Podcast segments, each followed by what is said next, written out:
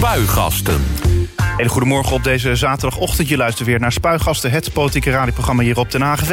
Live vanuit de Centrale Bibliotheek aan het Spui. Tot 12 uur neem ik de afgelopen politieke week door samen met gasten. Half december rijdt de laatste directe intercity van Den Haag naar Brussel. En daarmee heeft Den Haag als een van de weinige steden in Europa van deze omgang geen directe internationale treinverbinding meer. Terwijl de stad een internationale positie heeft met allerlei toonaangevende grote bedrijven en instellingen.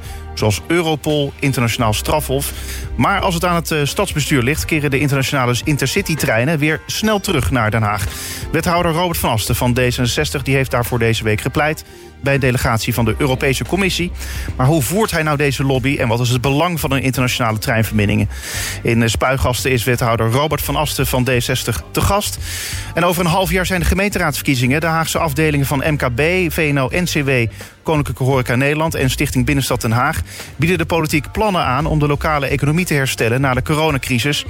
In het verkiezingsmanifest vragen zij aandacht voor de ondernemers. Want vanuit ondernemerschap dragen wij met elkaar zorg voor een gezonde economie, een inclusieve stad en een stad waarin we in samenwerking aan innovatieve en duurzame oplossingen werken. Al dus de vier partners. Voorzitter Kim Schoofarts van MKB Den Haag, die is de gast. Beide, goedemorgen, fijn dat jullie er zijn. Goedemorgen. Goedemorgen. Ik vraag me even af, Robert van Asten, te voet gekomen vandaag? Nee, gewoon met de fiets natuurlijk. Maar gisteren was toch het voetgangerscongres? Ja, we hadden het voetgangerscongres uh, afgelopen donderdag in onze stad. We waren samen met de provincie Zuid-Holland gastheer. En dat is natuurlijk omdat eigenlijk de meeste uh, verplaatsingen die we doen... die zijn te voet. En het ging er natuurlijk helemaal over van... hoe kan je dat nog aantrekkelijker maken? Want het is behalve gewoon leuk en interessant ook nog eens heel gezond. Ja, maar jij loopt zelf volgens mij minder. Jij bent meer van de fiets.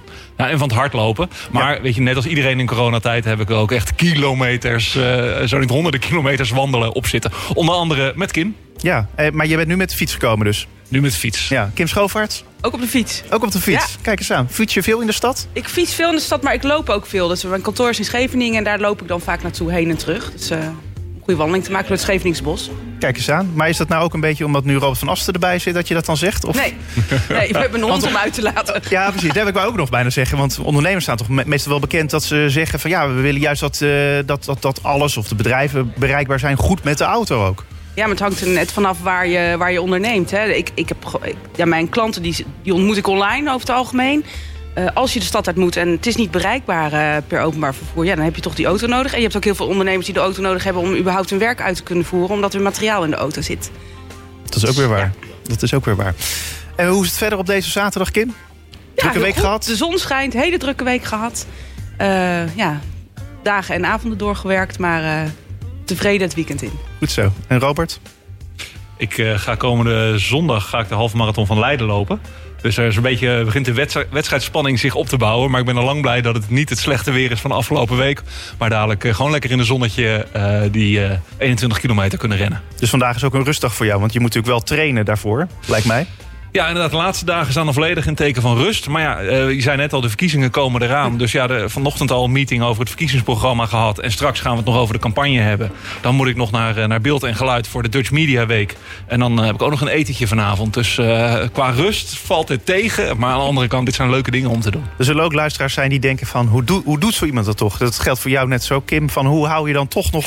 Ja, dat je niet overwerkt raakt, overspannen. Hoe doe je dat?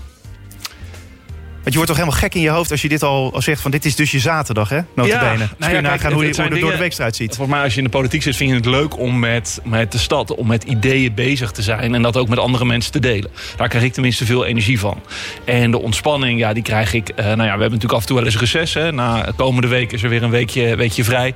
Dus dan heb je net even wat meer tijd. Uh, ik vind het heerlijk om hard te lopen. Of inderdaad even langs het strand te wandelen. En dan laat ik vanzelf alweer uh, vrij snel op. Dus ja. Moet het een beetje afwisselen. Ja. Kim, hoe is het bij jou? En misschien ook bij collega's die in het bedrijfsleven zitten. Hoe houd je jezelf een beetje geestelijk fit? Ja, geestelijk fit. Ik, merk zelf uh, dat, dat je voldoende ontspanning neemt. Maar net zoals de afgelopen vier weken is er een spanning, ontstaat er een spanning dat je... Dat, bij mij valt het sporten dan af. En uh, wel genoeg slapen is belangrijk. Maar het is met name als je hard werkt ook... Dat is niet, helemaal niet erg, maar je moet wel op tijd moet je ophouden. Dus ik heb gewoon keiharde stops voor mezelf. Dus elke schoolvakantie is voor mij in ieder geval 1, 2... En soms meer weken vrij om, uh, ja, om, om weer op te laden. Maar je hebt ook ondernemers die zijn gewoon 24 uh, het hele jaar doorgegaan met werken, omdat ze wel moeten. En, maar het moment dat je weet van nou dan kan ik ontspannen, dat helpt wel vaak om, om gewoon door te kunnen gaan. Ja. En wat Robert ook zegt, het is ook dat het werk leuk is. Hè? En dat is, geldt ook voor het werk voor MKB ook. Je ontmoet mensen, je, je krijgt weer nieuwe ideeën, je wil, je wil de stad beter maken, je wilt het voor ondernemers beter maken. En, en het samenwerken ook met elkaar geeft heel veel energie. En af en toe even wandelen met de hond. En ja, je moet wel elke dag even naar buiten. Dat, dat heb ik wel gemerkt. Heel goed zo. We gaan het straks over heel andere dingen hebben. Dus over de internationale treinverbindingen. En over de gemeenteraadsverkiezingen. Het verkiezingsmanifest van MKB Den Haag. Dat dus straks allemaal. Maar eerst blikken we terug op de afgelopen week. Het politieke weekoverzicht. Maandag 4 oktober. NIDA heft zichzelf op als politieke partij en gaat niet deelnemen aan de gemeenteraadsverkiezingen in Den Haag in maart volgend jaar. Dat betekent zeer waarschijnlijk dat in maart nog maar één partij meedoet die zich richt op de islamitische kiezer, Denk. Onze achterban wil geen concurrentie meer, zegt NIDA-fractieleider Adil Mahmoud. Vind je het verstandig, Robert? Nou, ik kijk natuurlijk wel uit naar een raad die wellicht wat minder versplinterd is. Want we zitten nu met, wat is het, 15 partijen. Uh, en allemaal waardevolle inzichten. Maar je bent natuurlijk wel slagkrachtiger als gemeentebestuur, wat je met z'n allen bent. Als je wellicht wat grotere fracties weer hebt. Wat natuurlijk wel belangrijk is, is dat die fracties dan herkenbaar zijn voor iedereen in de stad. Want al de kleinere partijen zijn er niet voor niks uh, gekomen. Die hebben natuurlijk allemaal een niche bedacht. Uh, waarin ze echt een achterban hebben. Nou, die achterban die moet zich ook gehoord voelen in nieuwe partijen. Of in de bestaande partijen die ja, het geluid hebben gehoord. En dat mee hebben genomen in de verkiezingsprogramma's. Ja, Kim, sluit je daarbij aan? Ja.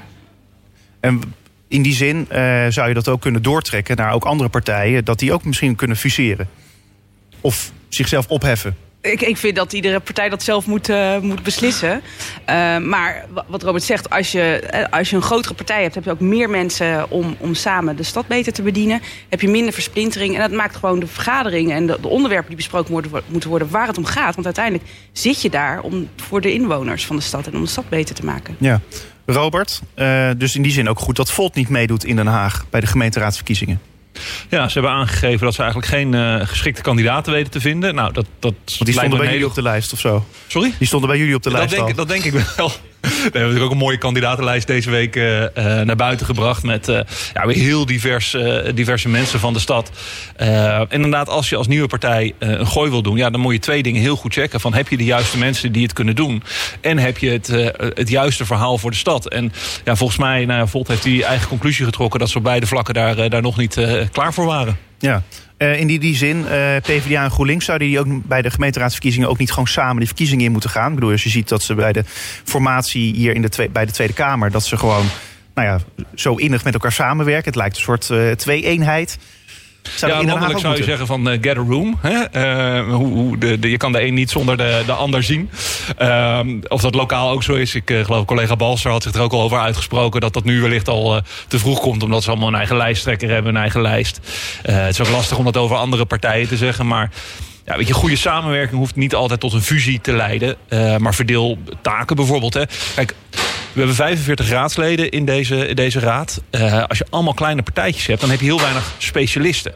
En met al die grote dossiers, zoals het nu over de zorg gaat, over woningbouw of over de economie, dan is het wel handig als je daar echt mensen echt fulltime zo'n beetje op hebt zitten. Die echt uh, van de hoed en de rand weten. En dus in het debat ook echt uh, veel meer kunnen bijdragen daartoe. Daar wordt echt de besluitvorming van het hele stadsbestuur wordt daar beter van. Achterbannen voelen zich beter gehoord. Want die hebben iemand in die raad zitten die het echt snapt. Uh, en dat is denk ik voor raadsleden ook heel erg fijn om zich te beperken tot gewoon echt één onderwerp. Ja, Kim, nou hebben jullie een verkiezingsmanifest opgesteld met andere partijen. Ja. Dat moest er ook niet te veel worden, want dan krijg je ook weer zoveel mensen, zoveel wensen. Hè? Nou ja, dat, dat, op de, ja, we hebben inderdaad gekeken van wie, willen we, wie kunnen we erbij hebben. Um, uh, ZKD heeft bijvoorbeeld, de, de bedrijfsterreinen hebben een eigen manifest. Die hebben ook andere uh, uh, ja, onderwerpen die soms tegenstrijdig kunnen zijn met bijvoorbeeld de kleine winkels. Wij hebben, we hebben gezegd, die bedrijfsterreinen moeten gewoon een eigen manifest hebben. Wij hebben met deze partij, voor deze partij gekozen. Ook omdat iedereen op een bepaald onderwerp, op de hoofdzaken zijn we het allemaal eens. Dat geldt trouwens ook voor de bedrijfterreinen. Maar tegelijkertijd zeggen we nu ook van uh, de horeca gaat voor de horeca in het manifest dat, dat verdedigen. Uh, uh, VNO die zit op de mobiliteit, bereikbaarheid. Wij zitten op de dienstverlening en de binnenstad echt op de binnenstad. En wij pakken ook het grote, nou ja, de, hele stad mee. Van de, je hebt de binnenstad apart, maar je hebt Scheveningen. Maar je hebt eigenlijk de hele stad heeft allemaal winkelkernen. Ja, die moeten ook allemaal aandacht krijgen. Dus zo hebben we de taken een beetje verdeeld. Dinsdag 5 oktober. Opnieuw eh, verliest het demissionaire kabinet een bewindspersoon. Eh, Wouter Koolmees, demissionair minister van Sociale Zaken en Werkgelegenheid van D60.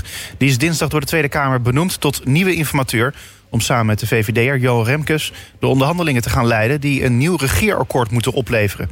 Gedurende die besprekingen tussen VVD, D66, CDA en ChristenUnie zal Koolmees eh, al zijn taken als minister neerleggen.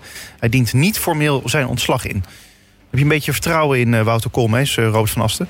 Ja, absoluut. Ik ken hem, eh, ken hem via de partijen natuurlijk ook wel eh, persoonlijk.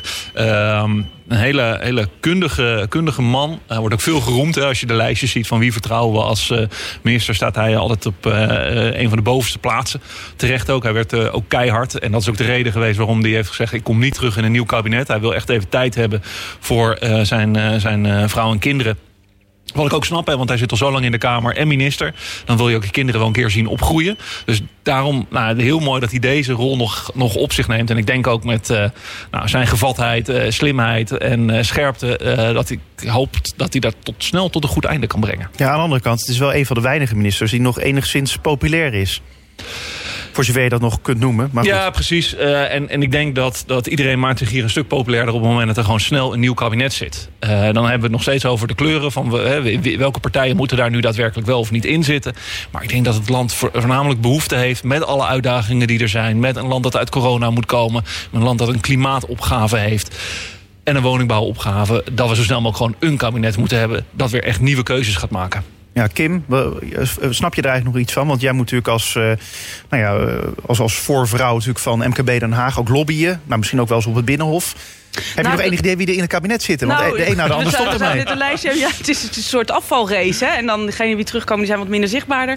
Ehm, landelijk doet, eh doet Jacques Vonhoff dat eh, voor ons. We, we voeden wel met de informatie. Dus ik ben heel blij dat we een stabiel stadsbestuur nu hebben. We hebben natuurlijk in Den Haag ook wel de nodige issuetjes gehad. Kan je wel zeggen, ja. Issuetjes. Eh, en ik, toen, dat, toen dat nieuws inderdaad kwam van Wout- Wouter Koolmees gaat het doen... en wie, wie vervangt hem, daar hadden we het ook over van... Nou, waarschijnlijk gebeurt dat nu niet. Dus echt zaak dat, eh, nou ja, dat, dat er snel een nieuw kabinet komt. En ik vind het goed dat ze Wouter Koolmees naar voren hebben geschoven omdat hij juist dat vertrouwen heeft. En dus ook bij de verschillende partijen en ook in de Kamer. Dus ik verwacht wel, en dat hoop ik ook... en die opdracht hebben ze ook, om zo snel mogelijk... dat we weer eh, een nieuw kabinet hebben en weer vooruit kunnen. Want dat is wat we echt wel nodig hebben. Want jij zegt eigenlijk, Wouter Koolmees is de geschikt, meest geschikte persoon... omdat hij zeg maar, binnen eigenlijk de hele Tweede Kamer ook Nou, het hij heeft vertrouwen heeft. maar hij heeft ook die, die, eh, die coronacrisis. Hè, was hij een van de drie W's. Maar hij heeft hij gewoon echt heel ja, goed ook onderhandeld en afgesproken. En, en, en alle, hij heeft met name... Hij, hij kan heel goed het totaalbeeld heeft hij in zicht. En daar weet hij goed naar te handelen. Met respect naar, de, nou ja, naar alle, alle meningen. En ik denk dat dat nu heel erg hard nodig is. Want het vertrouwen moet weer terug. Woensdag 6 oktober. Het Haagse stadsbestuur reikt ADO Den Haag de helpende hand. Het college van burgemeester en wethouders is bereid om te bekijken... of er financiële steun nodig is, mogelijk is voor de noodlijdende voetbalclub... om zo de licentie waarmee ADO betaald voetbal mag spelen veilig te stellen. Of er steun komt, op welke manier en voor hoeveel geld... dat moet de komende dagen blijken. Eerst wil het college inzicht in de financiële huishouding van de club. Ehm, Robert, ja, de, de gemeente heeft eigenlijk geen andere keuze, zo lijkt het. Terwijl ADO toch wel een bedrijf is. Je zou zeggen, ja, als het, eh, als het slecht gaat, dan moet ze het zelf oplossen. Maar het is bij ADO eigenlijk altijd zo, als het slecht gaat, dan kijken ze naar de gemeente. Ja, ik denk niet dat dat eh, eh, alleen bij ADO is. Hè. We zien dat bij eigenlijk elke betaald voetbalorganisatie eh, in Nederland... dat als het slecht gaat, dat dan als eerst naar de gemeente wordt gekeken. Kijk, we hebben natuurlijk geen formele band... eh, middels aandeelhouderschap met, eh, met ADO. Maar dat hebben we wel via de huur van het stadion. En het is onze huurder. Nou ja, dan moet je het maar zien vanuit goed verhuurderschap. Dat je ook kijkt van wat is er met onze huurder aan de hand. Kunnen we daar wellicht bij helpen? En zo ja, op welke manier doen we dat nou verantwoord? Want ja, ik ben ook eh, fan van ADO, ook een seizoenkaarthouder. Eh, de afgelopen jaren heb ik continu weer nieuwe spelers eh, voorbij zien komen. En nou ja, soms heb ik ze alleen maar gezien op de aankondiging dat ze kwamen. Dan heb ik ze geen minuut in het veld gezien. Dus ja, ik, ik, heb wel zelf wel wat vraagtekens bij, bij dat gevoerde beleid. Maar dus ook bij, hoe staat de club er nou echt financieel voor? Want er zijn natuurlijk ook maar allemaal indianenverhalen van naar buiten gekomen. Denk dat als je gaat kijken van hoe kunnen we deze huurder van ons helpen Dat je dan ook gaat kijken van oké, prima. Dan maar eens even helemaal met die billen bloot. Alle boeken op tafel, alles open. Dat we echt weten wat er aan de hand is. Zodat je ook weet welk middel moet je inzetten om te helpen. Ja, maar jij weet natuurlijk al, want jij, jij zit in het college. Eh, Anne Mulder is je natuurlijk eh, vooral mee bezig als wethouder van Financiën. En natuurlijk ook het- die het vastgoed eh, onder zich heeft. Wat gaat er gebeuren? Welke koers vaart nu de gemeente Den Haag? Nou, de koers die, eh, die, is, die is uitgezet is natuurlijk van... Nou, we gaan kijken naar wat is er nodig. We zien ook dat die deadline nadert. En dan wil je wel zeker weten van... heb je er nu zelf alles aan gedaan om bijvoorbeeld de, om die, om die club te kunnen helpen... binnen de regels die ervoor zijn. Want je zei het net al, het is een bedrijf. En zo wordt eh, er ook gekeken vanuit de Europese Commissie... die natuurlijk kijkt naar wat is staatssteun... en ongeoorloofde staatssteun daarin. Ja, je kan je niet als gemeente veroorloven om daar de regels te breken. Daarnaast gaat het ook nog om een heleboel gemeenschapsgeld... eh, wat je dan als gemeente inzet. Want dat doe je per definitie als gemeente. Dus ja, voordat je daar een voorstel aan de gemeenteraad voorlegt... Hè, want die gaan er uiteindelijk over... eh, moet je zelf wel echt helemaal weten van... eh, is dit de manier eh, om ze te helpen? Of zijn er eigenlijk andere manieren misschien mogelijk? We weten Ja. het nu gewoon simpelweg niet. Want we hebben helemaal nog nooit inzicht in die boeken gekregen. Maar één ding is zeker. er wordt alles aan gedaan natuurlijk om ADO niet nou ja, kapot te laten gaan. Te laten verdwijnen. Ehm, dus de gemeente gaat ja, een helpende hand bieden. Maar is dat dan straks eh, bijvoorbeeld dat, dat de gemeente moet gaan bijspringen, bijlappen? Of is het een lening? Dat is natuurlijk de grote vraag. Vol- volgens mij kan je sowieso niet zomaar bijstorten. Want dan eh, slaan ze in Brussel gelijk op, eh, op tilt. En dan mag je het gelijk terug gaan betalen. Dus dan zou je altijd moeten kijken in, in hoe faciliteer je dat. Maar ook dat is gewoon simpelweg nog niet gezegd. Het is heel duidelijk in de brief geschreven. Het wat, het hoe en het of eh, staat allemaal nog ter discussie. Daar moeten we eerst voor in die boeken duiken. En dat eh, is de afgelopen dagen zijn ze daar in ieder geval mee bezig geweest. Ik ben heel benieuwd naar wat daaruit is gekomen. Ja, wanneer verwacht je nieuws? Eh, het moet allemaal heel rap, hè, per 1 november. Dat is echt een harde deadline voor de KNVB. En dat zou je denken, nou ja, het is vandaag, wat is het, 9, 9 oktober. Zeker. Voor je het weet is het echt 1 november. Dus dat moet gewoon heel, heel snel zijn. Ja, Kim Schoofaerts, hoe kijk jij hiernaar? Naar die discussie die er loopt over ADO Den Haag? Ik vind het een hele ingewikkelde. Ik, eerlijk gezegd volg ik hem niet heel erg, eh, behalve dat wat er in de krant staat.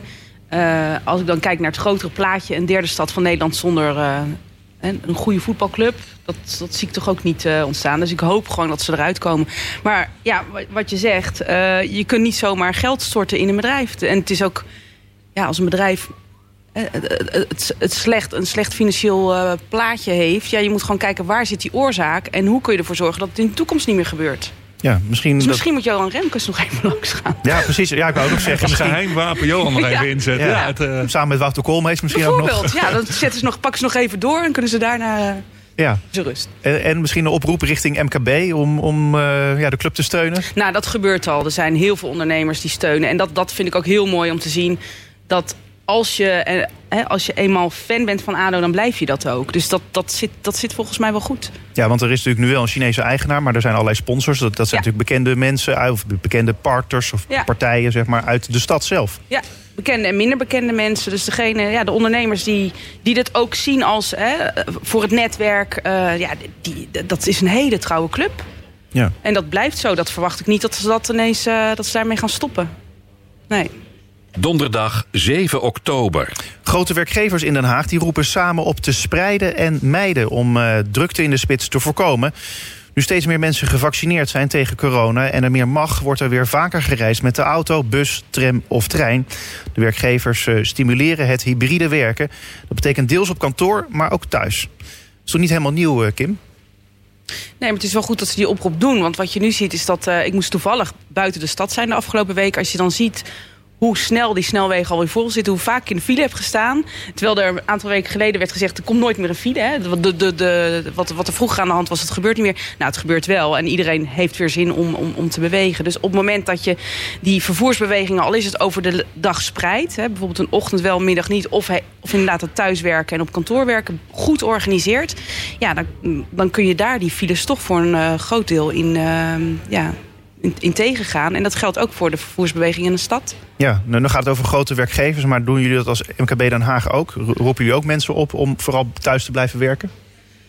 Ja, en vooral ook de fiets te gebruiken eh, en, en, en of te voet te gaan. Eh, en dat, dat zit hem in kleine dingen. Bijvoorbeeld, eh, we hadden het miljoenenontbijt op het Koerhuis. En daar kwam ook in de discussie met de, met de organisatoren van... ja, uh, we willen uitrijkaartjes hebben voor de parkeergarage. En toen hebben we ook gezegd, nee, dat doen we niet. Want wij willen gewoon dat de mensen op de fiets komen. Dus op het moment dat we dat gaan doen, dan stimuleren we weer om met de auto te gaan. Het, zijn, het zitten die kleine nuances dat we er uh, mee bezig zijn. Ja, Robert van Asten, dit is natuurlijk een ja, iets wat jullie heel erg aanspreekt. Hè? Vooral jou, jou als wethouder ook van mobiliteit.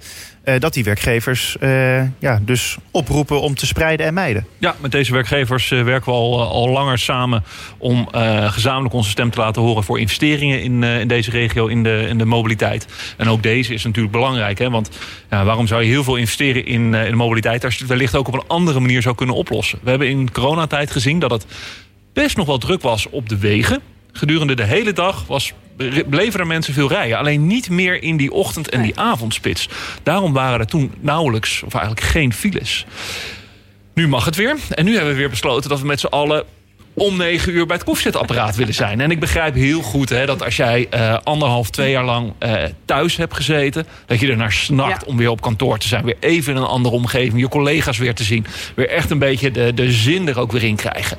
Maar echt die oproep moet zijn... ga nou niet om acht uur die auto in en de wegen op. Maar ga gewoon eens even rij om elf uur. Werk eerst thuis. En dat is ook belangrijk voor ook de gemeente, ook de overheid en alle bedrijven. Begin niet met een meeting om negen uur. Nee. Dwing mensen niet dan om negen uur op kantoor te zijn. Maar doe dat op een andere wijze. Ik heb nu ook gezegd, elke stafvergadering die ik heb... die doe ik gewoon tot het einde van het jaar sowieso allemaal nog per Zoom.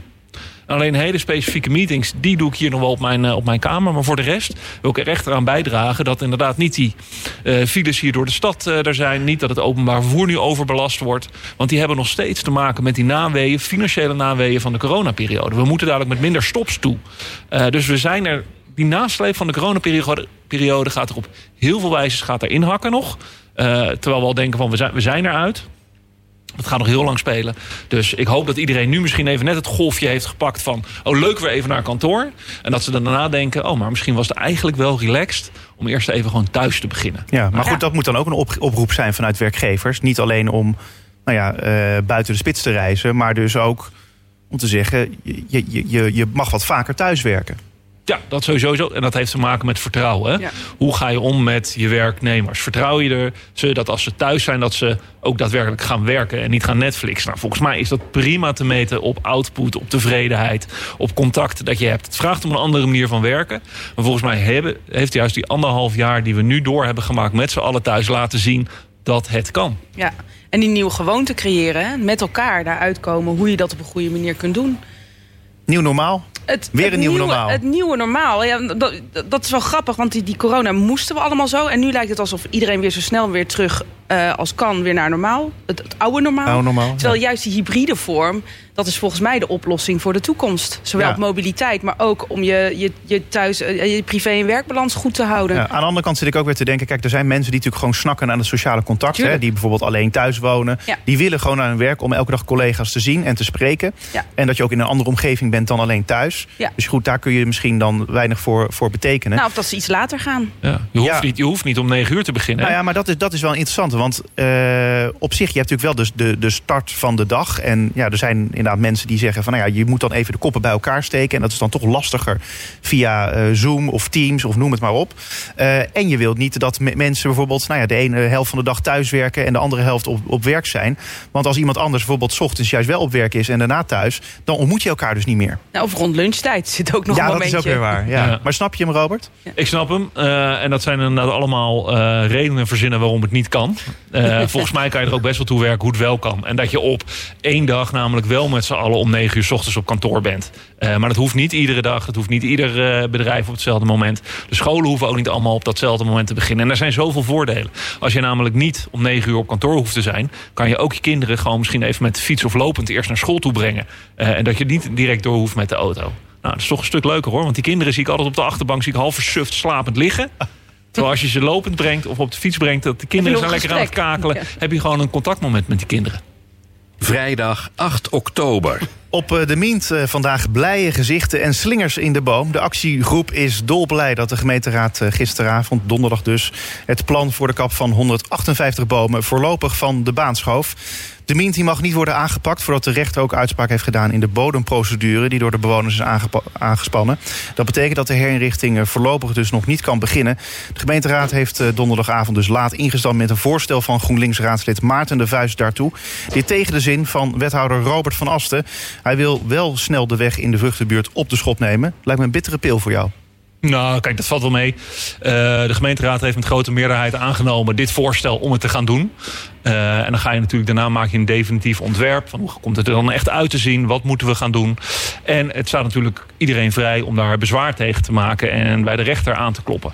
Nou, alle bezwaarschriften waren afgewezen en de rechter heeft in de bodempro of in de uh, eerste procedure ook uh, gezegd... er mag met de bomenkap worden doorgegaan, er staat niets in de weg. Dus ik heb vertrouwen erin dat de rechter ook de besluitvorming van de Raad uh, uh, goedkeurt. Dus dat we uiteindelijk gewoon aan de slag kunnen gaan. En waarom doen we dat nu? Want dat lijken mensen vaak te, te vergeten. Hè? Het concentreert zich allemaal op de bomen. En dat is natuurlijk deels terecht. Maar daar ligt er een riool uit 1927. Wat een ernstige slechte zaak is. Ja, leg het de mensen dan daar maar eens uit als daar de riolen gaan, uh, gaan verzakken. En ik zie ook heel veel reacties uh, uh, online onder de artikelen verschijnen. Van, maar, maar hoe liggen die stoepen erbij? Hoe ligt het fietspad erbij? Dat is levensgevaarlijk. Daar kan nu niks aan gedaan worden. Maar goed, de gemeenteraad heeft gesproken. we wachten tot deze rechter uitspraak heeft gedaan. We verwachten dat eind oktober, begin november moeten we wel zorgen dat we dan nog echt aan de slag kunnen. Want je kan je voorstellen, we kunnen niet overal tegelijkertijd aan het werk in deze stad. want dan zetten we het helemaal vast. Uh, nou, we komen daar nog wel te spreken over bereikbaarheid, denk ik. Uh, dat hebben we gewoon goed ingeregeld. Dus we moeten kijken of we het dan nog allemaal goed in, die, in dat tijd, uh, tijdspad kunnen doen. Want voor je het weet, sluit je achteraan de rij aan en dan ben je twee, drie jaar verder. Ja. voor de weginrichting nou ja, dan, dan, gaan we nog wel noodreparatie doen. Maar de riolering, ja, dan zou het kunnen zijn dat er onder havenklap ergens een riool weer, uh, weer inzakt. Ja, ik, ik merk nu dat je wel weer rustig bent. Maar ik had het idee dat je bij de gemeenteraad toch wel enigszins geïrriteerd was. Omdat natuurlijk de suggestie werd gewekt, en het werd ook een beetje ja, eigenlijk uitgedrukt. Dat uh, zowel bewoners ook als raadsleden vonden dat, ze, dat jij ze verkeerd hebt geïnformeerd. Ja, daar ben ik nog steeds heel erg boos over dat die indruk uh, door raadsleden werd, werd gewekt. Want dat is natuurlijk absolute, absolute onwaarheid. Alles is naar de raad gegaan. Ze hebben volledig die procedure doorgelopen. Ze hebben ingestemd met het voorstel. En dan zijn er natuurlijk raadsleden die daar ooit tegen hebben gestemd. Uh, maar die maken nu ongelooflijk veel stemming daarover. En dat vind ik niet helemaal kies. We hebben notabene net met de hele raad... hebben we ook nog een, uh, een hele middag gehad over... hoe ga je met elkaar om? Wat zijn de omgangsvormen? Uh, wat is de uitstraling naar buiten toe? En dan in één keer, hup, motie van afkeuring... op niets gebaseerd tegen je ingediend. Het is gelukkig niet aangenomen. Maar daar vind ik wel wat van. Dat is niet hoe je met elkaar om moet gaan in een, in een goed debat. Nee, maar je, je, je, zou ook kunnen zeggen, je, dan kan jij ook zelf toenadering zoeken naar richting die partij. Want blijkbaar zit ze toch iets dwars.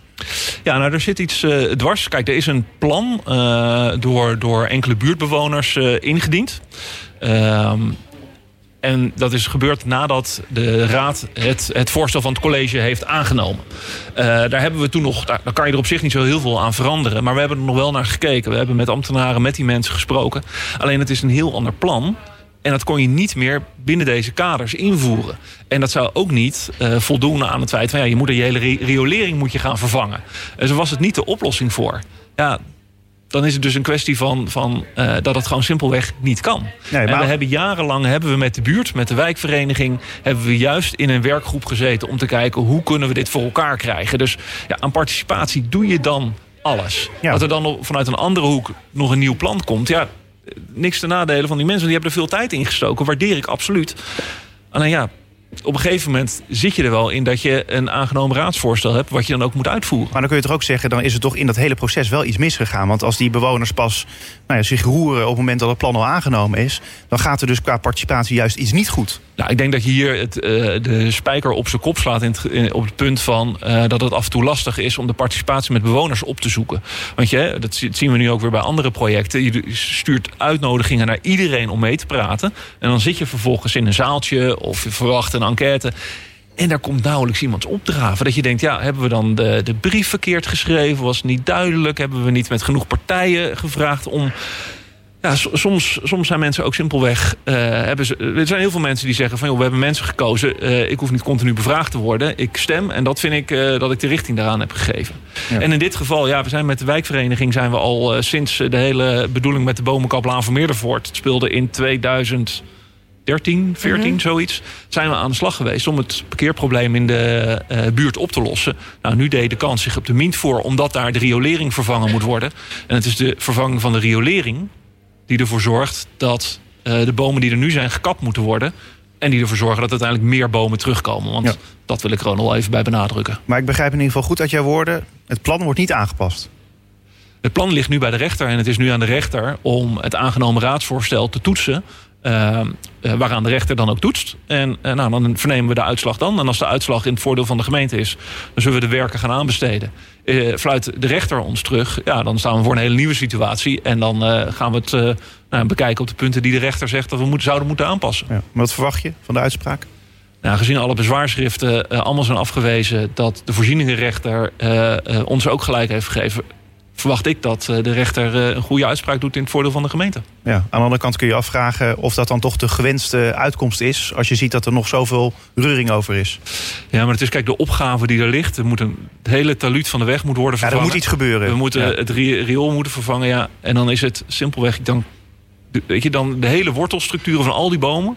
die wordt daar dusdanig aangetast. En die zijn al niet best, die bomen. Dat is ook al onderzocht. Dan ben je er echt beter aan toe om daar gewoon een nieuw beplantingsplan te maken. Die bomen gaan dat simpelweg niet overleven. Kim, heb je de Mint een beetje gevolgd? Nou, in, in de krant maar niet erg. Ik zag het eh, toevallig. Maar ehm, wat ik wilde zeggen is hoe de gemeente werkt... en hoe, hoe de bewoners kijken naar de gemeente. Ik heb soms het gevoel, bewoners, maar ook ondernemers... dat die onvoldoende duidelijk hebben hoe een gemeente werkt en moet werken. En dat eigenlijk alles is online. Hè? Als je gewoon de raadsbesluit bekijkt. Wij, weten ervan, omdat wij in, in dat werk zitten.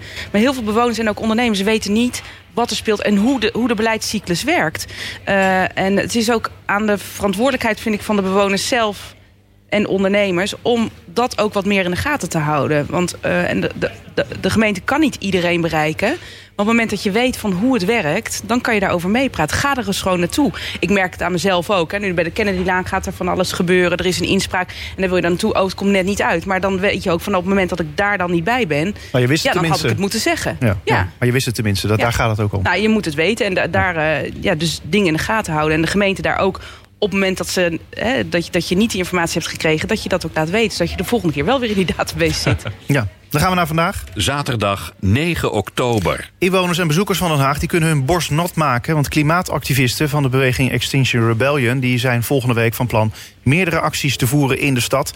Ze hebben al aangekondigd een deel van Den Haag plat te leggen met een blokkade.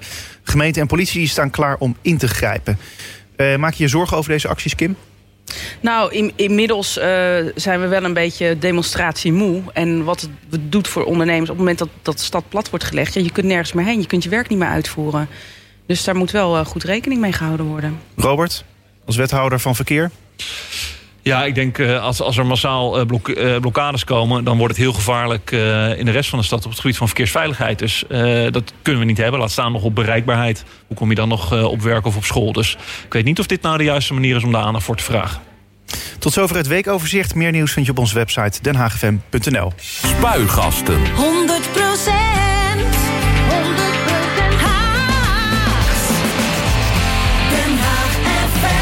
Half december rijdt de laatste directe intercity van Den Haag naar Brussel. En daarmee heeft Den Haag als een van de weinige steden in Europa van deze omgang geen directe internationale treinverbinding meer. Terwijl de stad een internationale positie heeft met allerlei toonaangevende grote bedrijven en instellingen. Zoals Europol en het Internationaal Strafhof.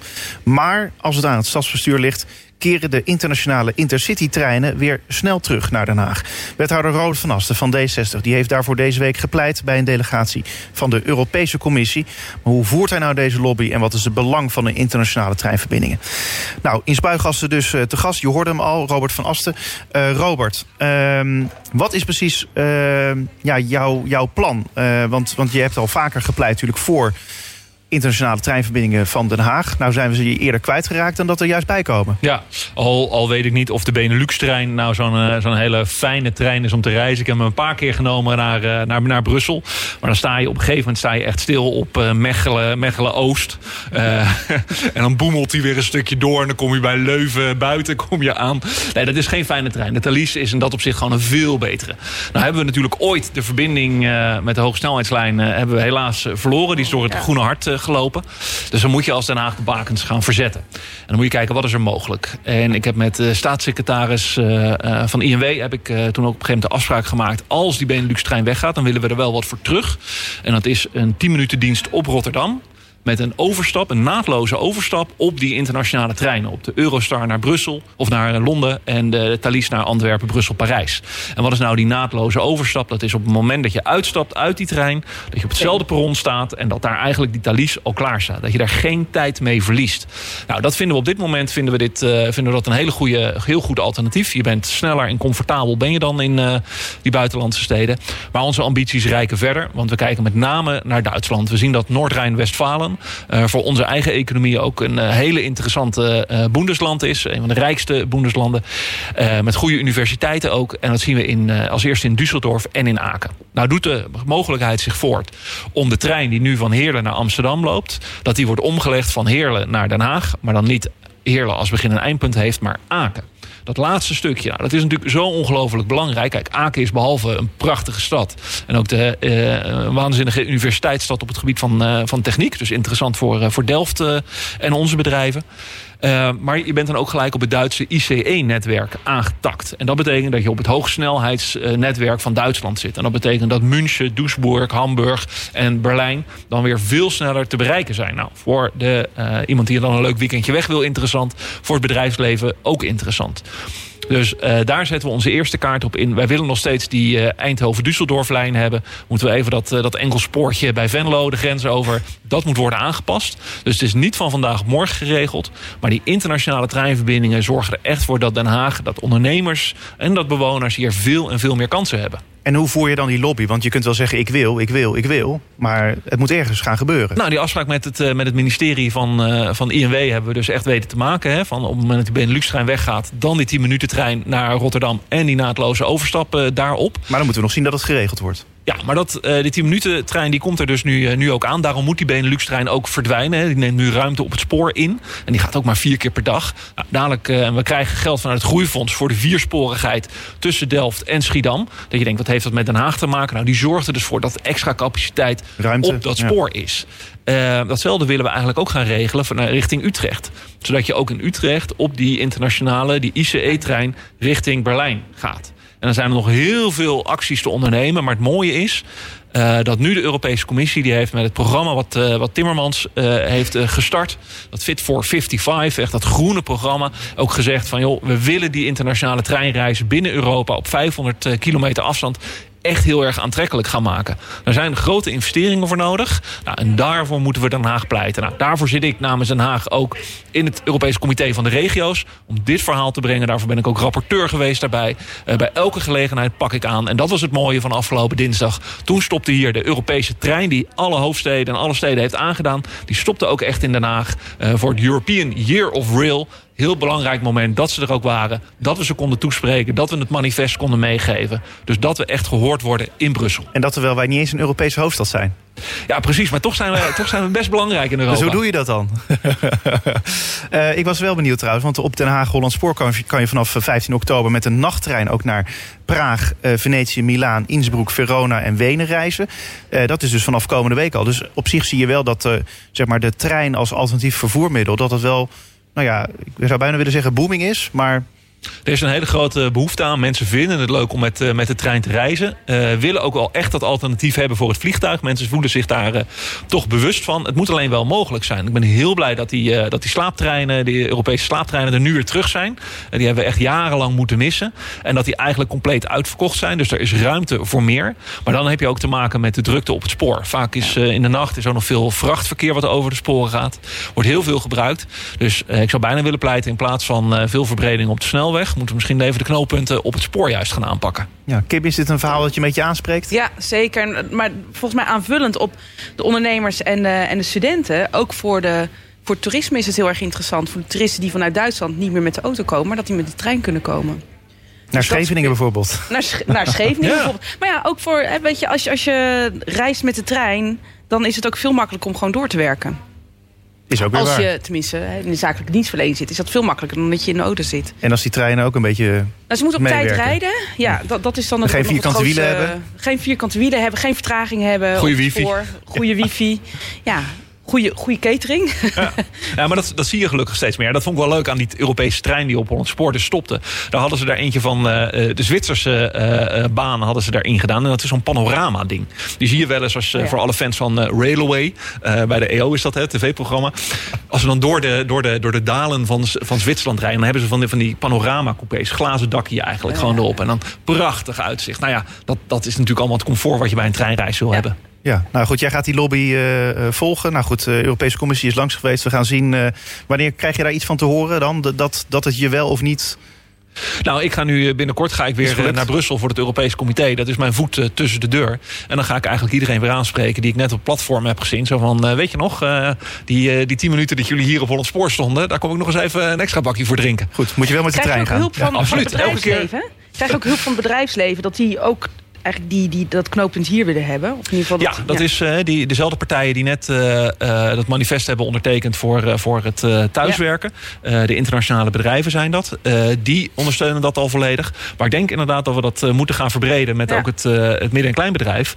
die dan wel het toerisme interessant vinden. Dan wel de exportmogelijkheden en de uitwisseling met, met Duitsland willen zien. Ook vanuit de marketing dat aan gaan vliegen.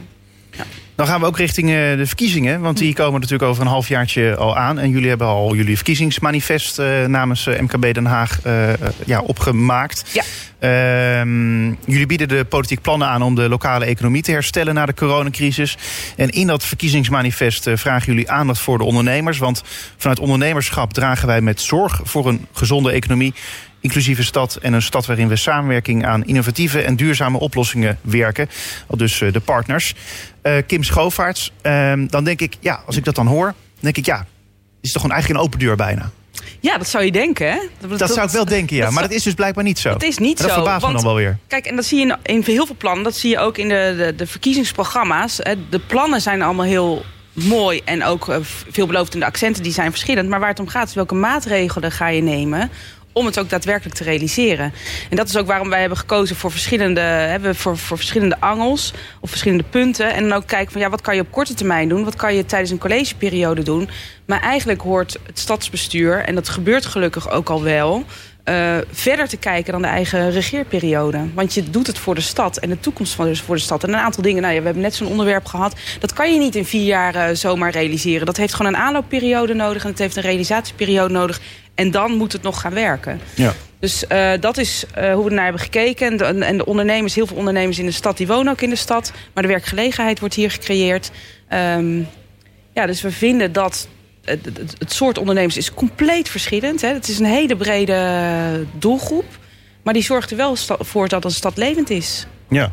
Alleen, eh, ja, als je bijvoorbeeld het verkiezingsprogramma van D60... ik weet niet of je het al gelezen hebt. Ja, ik heb het, Op- op- ik heb het ge- gescreend vanochtend, de, de economieparagraaf. Ja, en? Wat vond je ervan? Nou, bedoel, herken je dan dingen? Ook, ja, er zijn, zijn overgenomen, soms in andere bewoordingen. Maar als we kijken naar het inkoop, het onderwerp van inkoop... wordt ook de PSO-ladder wordt daarin meegenomen. Dat je ook die inclusieve stad, dat je gewoon gaat kijken... Van, ja, dan heb je sociale ondernemers, je hebt traditionele ondernemers... die horen naar elkaar toe te komen... Ehm, en, en die moeten elkaar ook ontmoeten. Nou, middels dat soort eh, maatregelen kun je dat doen. Dus, dus we kunnen stellen dat D60 mogelijk het ma- manifest van jullie heeft gelezen. Maar hoe zit het Dat met de weet ik andere niet, partijen? want we hebben... Even kijken, het manifest hebben we voor de zomer verstuurd. Eh, toen waren ook de politieke partijen volgens mij ook allemaal daarmee bezig. Maar dat is iets, het, moet, het moet gewoon in mei moet het klaar zijn... zodat ze die input kunnen meenemen. En we hebben ze niet eh, gesproken. Vorige keer ging dat, ging dat anders. Dus iedereen is zelf met zijn, eh, zijn stuk aan de slag gegaan. Ik heb er nu twee... gele- Vanochtend heb ik ook de VVD, kreeg ik zojuist binnen. Ik weet nog niet of de andere programma's allemaal klaar zijn. Want ze worden ons niet toegestuurd wat ze hebben. Dus ja, dat de vind ik wel Partij jammer. van de Arbeid heeft een concept eh, tot Ja. nu toe. Ja, we hebben ook een eh, concept voorlopig nog. Dus nu gaan eerst de leden daarover. Ja, en dan wordt het natuurlijk ja. teruggestuurd naar iedereen die ons de input eh, heeft gegeven als partijen. Ja. En dan denk ik, weet je, kijk, dit is natuurlijk. Uh, verkiezingsprogramma is mooi momentopname. Hè, daar gaan we mee aan de slag. Ja. Maar eh, dat zijn vaak ook kleinere zinnen. En de uitwerking daarvan, daar moet je juist weer met de partners in de stad. Dus ook met het MKB moet je, moet je om tafel gaan zitten. Van oké, hoe gaat dat dan het beste uitwerken? Ja, ja. En we zien, we zien dat wel, eh, een aantal dingen dat het over is genomen. Nou, en dan krijg je natuurlijk de opmaat naar de verkiezingen toe. We gaan ook met de partners gaan we gewoon eh, evenementen. Er komt nog een debat, eh, maar we gaan actief worden na de, nou ja, vanaf, vanaf januari hebben we aangegeven. Dan gaat het ook echt leven in de, bij de achterbannen en ook bij de, bij de ondernemers. En dan krijg je natuurlijk van ja, de verkiezingen. En welke partijen worden nou het grootste? En wie gaan uiteindelijk dat collegeakkoord doen? Want je kunt een heel mooi manifest hebben. Maar uiteindelijk gaat het erom dat het in dat collegeakkoord Ja, komt. precies. Want dan wordt het ook uitgevoerd. Ja. Het gaat natuurlijk ook nog wel een stuk verder dan natuurlijk alleen de economieparagraaf. hè. Ja. Eh, voor een heel programma moet je kijken, oké, wat maakt nou de stad goed? We hebben het ook bereikbaarheid, daar wordt wel aangetast. betekent ook van wat doe je op het gebied bijvoorbeeld van cultuur. Zeker voor een toerismestad. Eh bezoekerseconomie is ontzettend belangrijk. Nou, we zien dat de economie, eh, dat cultuurbestedingen hier achterblijven vanuit de overheid. Dus daar moet je eigenlijk een flinke plus op doen. Maar dat heeft dan ook gelijk effect op de mensen die Den Haag interessant vinden om eh, in de hotels te gaan zitten, om eh, uit eten te gaan voordat ze naar een voorstelling gaan. En het mooie zou zijn als de economie... Dat we, dat we ons niet focussen op puur de binnenstad en puur Scheveningen... maar dat de hele stad heeft interessante plekken. Dat je, hè, als je naar een, een, een st- een, een stad in het buitenland gaat... naar, naar Berlijn gaat, naar Kopenhagen, eh, Parijs... Hebt ook, je hebt allemaal van die ook ge- gedeeltes die wat wat rafelrandjes hebben, die net andere dingen hebben... of grappige winkels of een eh Marcel Puus hebben, weet je. Dat, dat je denkt van ja, daar wil ik naartoe. Dat je dat vanuit Den Haag ook weet eh, aan te trekken. Dus niet alleen de assets die er zijn... maar ook de cultuur eh, in, in andere wijken, de, de theaters die daar zijn. Nou ja, dit is de En kans. dat, dat je daarmee de werkgelegenheid ook in die wijken Ja, stimuleert. Robert van Asten heb je tegenover je. Dus Ja. die kan je misschien nog wat input geven voor het eh, verkiezingsprogramma. Als dat nu toch nog niet helemaal eh, nog af is. Eh, en ik hoop dat, dat de andere partijen natuurlijk hebben geluisterd naar, eh, naar, naar jouw verhaal. En dat ze het verkiezingsmanifest ook even gaan lezen. Dat hoop ik ook. Ja, goed zo. Robert van Asten, dankjewel. En Kim Schoofarts, dankjewel. En dan is het nu tijd voor de column van Marcel Verrek. Stadgenoten, we hebben de coronacrisis, het drama in Afghanistan... de experimentele soap op het Binnenhof... de toekomst van ADO en de bomen op de Mient. Maar dat is allemaal klein bier bij de ramp die de mensheid afgelopen maandag trof. Facebook, Instagram, WhatsApp uit de lucht. Zes uur lang. Ik vrees dat er binnenkort nog meer geld naar de zorg moet... om de psychische gevolgen van deze klap het hoofd te kunnen bieden. Zes uur lang moesten we iets anders doen, konden we ons fake nieuws en onze haat niet meer overal kwijt, maar ook onze zelfbevestiging, onze leuke poezenfilmpjes, filmpjes met andere poesjes. Afijn, hoe kon dit gebeuren? Godzijdank was het een menselijke fout en zijn het niet de algoritmes zelf die een luguber spel met ons speelden. In dit geval dan. Meestal doen ze dat natuurlijk wel. Krijgen we over negen maanden een babyboom. Waarbij de maandagavond verwerkte kinderen passende namen zullen krijgen als Facey, Insta en WhatsAppo. En mijn vertrouwen mensheid was al behoorlijk geschokt... door de geheime straapassen van CDA-leider Hoekstra... die notabene nog genoemd is naar de wet openbaarheid bestuur. Deze WOP bleek voor zijn ministerschap onzorgvuldige, ik citeer hem zelf... financiële activiteiten te hebben ontplooid. Hij wist met andere woorden niet precies wat er met zijn geld gebeurde. Daar zijn we mooi klaar mee, Ivar. Een minister van Financiën die niet weet wat er met het geld gebeurt. Inmiddels is een en ander duidelijk. Constructies via Guernsey en vooral ook de Maagdeneilanden. Bij die laatste archipel denk je toch meteen aan hele rijke viespeuken. Zeg maar vrienden van prins Andrew. Ik vrees dat er op die eilanden inmiddels nog maar weinig maagden zijn aan te treffen. Dat zal de viespeuken niet deren. Het gaat hen toch vooral om de brievenbussen, hoe die er dan ook uitzien. Die constructies mogen trouwens wel. Van wie? Van de minister van Financiën. Toch is Wopke mijn eerste winnaar van de week... want ik wil graag wat aanvullende Nobelprijzen uitreiken. Uiteraard zonder prijzengeld, want dat heb ik niet. En een prijs roep je vooral in het leven om de aandacht even op jezelf te richten. Je knutselt een kansarm sculptuur in elkaar... maakt een fijn persbericht en hup, je kan weer even shinen. Zo heb ik deze week via Facebook, Instagram en WhatsApp... de literaire Marcel Verrekprijs uitgereikt aan... Marcel Verrek. maar helaas had ik de uitreiking afgelopen maandagavond gepland. Daarom geef ik mijzelf nu de Nobelprijs voor troost. En Wopke Hoekstra beloon ik met de Nobelprijs voor stilzwijgen. Want dat is een eigenschap die tegenwoordig nog maar weinige mensen beheersen. De Tweede Kamer is een soort vismarkt geworden... en ook de andere hoofdrolspelers in de kabinetsformatie kwekken zich suf... waarbij ze meestal zeggen dat ze nu even niet zeggen. Vroeger werd dat cha- chaotische gekakel een Poolse landdag genoemd. Tegenwoordig zijn de Polen ook weer lekker bezig. De Europese Unie wordt, tegen, wordt door de regeringspartij PiS voortdurend afgezeken. Herrie in de tent dus. Maar ja, dan weten we ook gelijk weer waar het woord polariseren vandaan komt. Terug naar eigen land, waar we nog meer onderscheidingen kunnen uitdelen. Zo krijgen gas, elektra aan huizen elke dag weer nieuwe prijzen. Hele hoge prijzen. En onze provincie Zuid-Holland wordt ook gelauwerd. We zijn namelijk flitspaalkampioen. En dat is best een prestatie. Omdat tegenwoordig het verkeer weer grote delen van de dag helemaal vaststaat. En probeer dan nog maar eens een hoop boetes bij elkaar te flitsen. Een heel mooie onderschrijving vind ik die voor de liefste Haagse straat.